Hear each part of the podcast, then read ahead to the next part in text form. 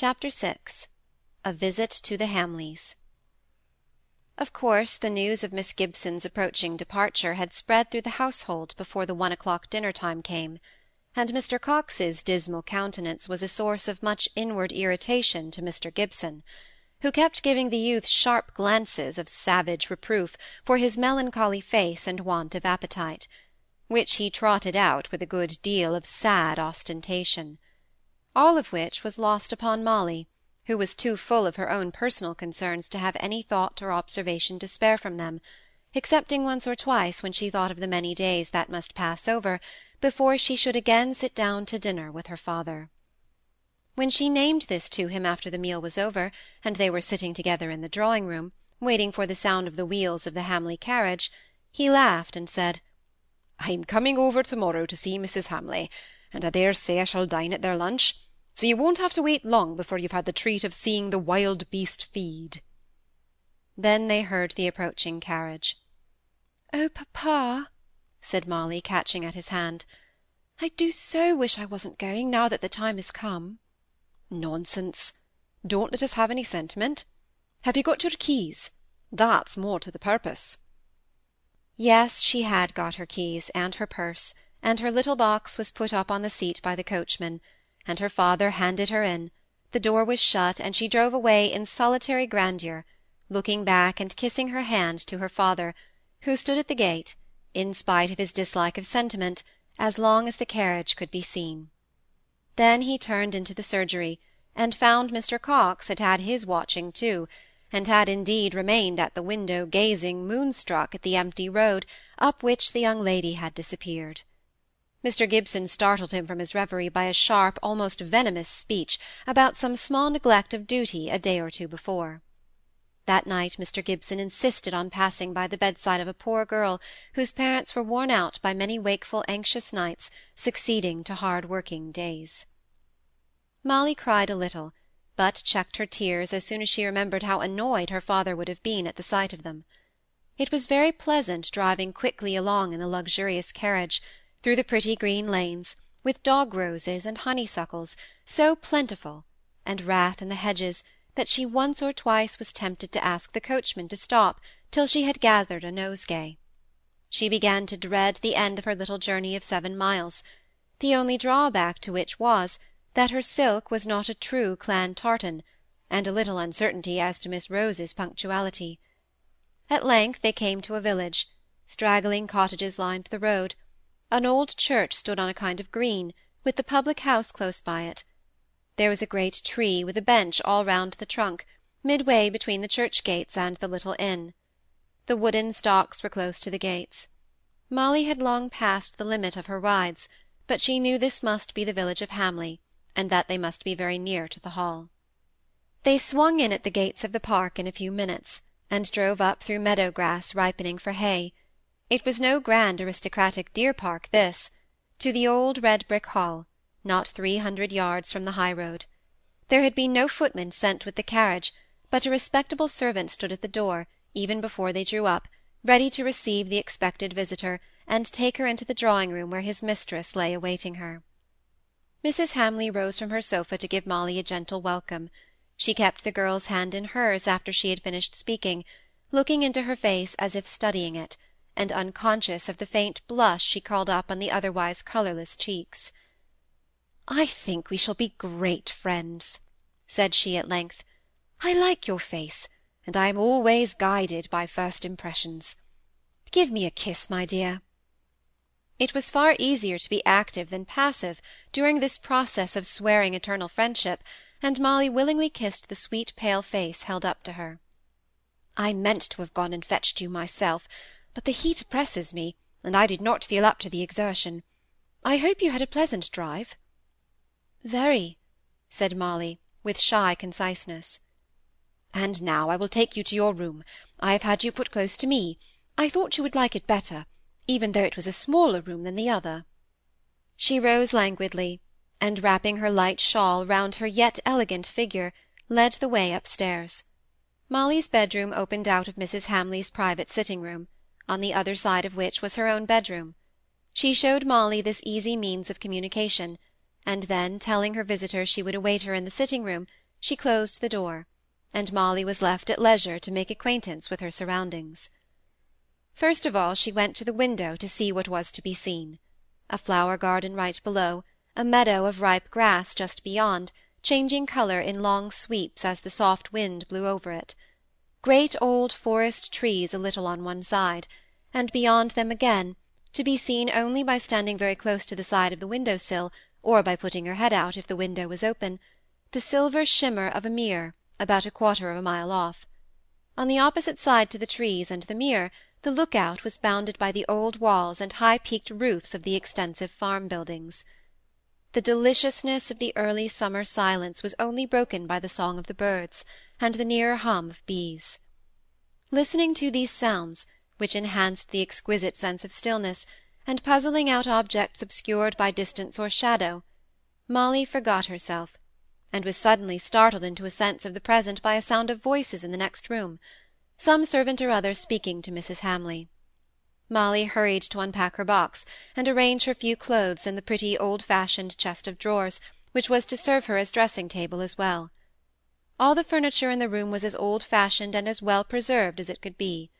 The chintz curtains were Indian calico of the last century, the colours almost washed out, but the stuff itself exquisitely clean. There was a little strip of bedside carpeting, but the wooden flooring, thus liberally displayed, was of finely grained oak, so firmly joined, plank to plank, that no grain of dust could make its way into the interstices. There were none of the luxuries of modern days, no writing-table, or sofa, or pier-glass. In one corner of the walls was a bracket, holding an Indian jar filled with pot-pourri, and that and the climbing honeysuckle outside the open window scented the room more exquisitely than any toilette perfumes. Molly laid out her white gown, of last year's date and size upon the bed, ready for the, to her, new, operation of dressing for dinner, and having arranged her hair and dress, and taken out her company worsted work, she opened the door softly, and saw Mrs. Hamley lying on the sofa. "Shall we stay up here, my dear? I think it is pleasanter than down below, and then I shall not have to come upstairs again at dressing-time." "I shall like it very much," replied Molly. Ah, you've got your sewing like a good girl, said Mrs. Hamley. Now I don't sew much. I live alone a great deal. You see, both my boys are at Cambridge, and the squire is out of doors all day long, so I've almost forgotten how to sew. I read a great deal. Do you like reading? It depends upon the kind of book, said Molly. I'm afraid I don't like steady reading, as papa calls it. But you like poetry, said Mrs. Hamley, almost interrupting Molly. I was sure you did, from your face. Have you read this last poem of Mrs. Hemans? Shall I read it aloud to you? So she began. Molly was not so much absorbed in listening but that she could glance round the room. The character of the furniture was much the same as in her own. Old-fashioned, of handsome material, and faultlessly clean, the age and the foreign appearance of it gave an aspect of comfort and picturesqueness to the whole apartment. On the walls there hung some crayon sketches, portraits. She thought she could make out that one of them was a likeness of Mrs. Hamley in her beautiful youth. And then she became interested in the poem, and dropped her work, and listened in a manner that was after Mrs. Hamley's own heart. When the reading of the poem was ended, and Mrs. Hamley replied to some of Molly's words of admiration by saying, "Ah, I think I must read you some of Osborne's poetry some day, under seal of secrecy, remember but I really fancy they are almost as good as Mrs. Hemans. To be nearly as good as Mrs. Hemans was saying as much to the young ladies of that day as saying that poetry is nearly as good as Tennyson's would be in this. Molly looked up with eager interest. Mr. Osborne Hamley, does your son write poetry? Yes, I really think I may say he is a poet. He is a very brilliant, clever young man, and he quite hopes to get a fellowship at Trinity. He says he is sure to be high up among the wranglers, and that he expects to get one of the Chancellor's medals. That is his likeness, the one hanging against the wall behind you. Molly turned round, and saw one of the crayon sketches, representing two boys in the most youthful kind of jackets and trousers, and falling collars. The elder was sitting down, reading intently. The younger was standing by him, and evidently trying to call the attention of the reader off to some object out of doors, out of the window of the very room in which they were sitting, as Molly discovered when she began to recognise the articles of furniture faintly indicated in the picture. I like their faces, said Molly. I suppose it is so long ago now that I may speak of their likenesses to you as if they were somebody else, may not I? Certainly, said Mrs. Hamley, as soon as she understood what Molly meant. Tell me just what you think of them, my dear. It will amuse me to compare your impressions with what they really are. Oh, but I did not mean to guess at their characters. I could not do it, and it would be impertinent if I could. I can only speak about their faces as I see them in the picture. Well, tell me what you think of them. The eldest, the reading boy, is very beautiful, but I can't quite make out his face yet, because his head is down and I can't see his eyes. That is the Mr. Osborne Hamley who writes poetry. Yes, he is not quite so handsome now, but he was a beautiful boy. Roger was never to be compared with him. No, he is not handsome, and yet I like his face. I can see his eyes. They are grave and solemn-looking, but all the rest of his face is rather merry than otherwise. It looks too steady and sober, too good a face to go tempting his brother to leave his lesson. Ah, but it was not a lesson. I remember the painter, Mr. Green, once saw Osborne reading some poetry, while Roger was trying to persuade him to come out and have a ride in the hay-cart.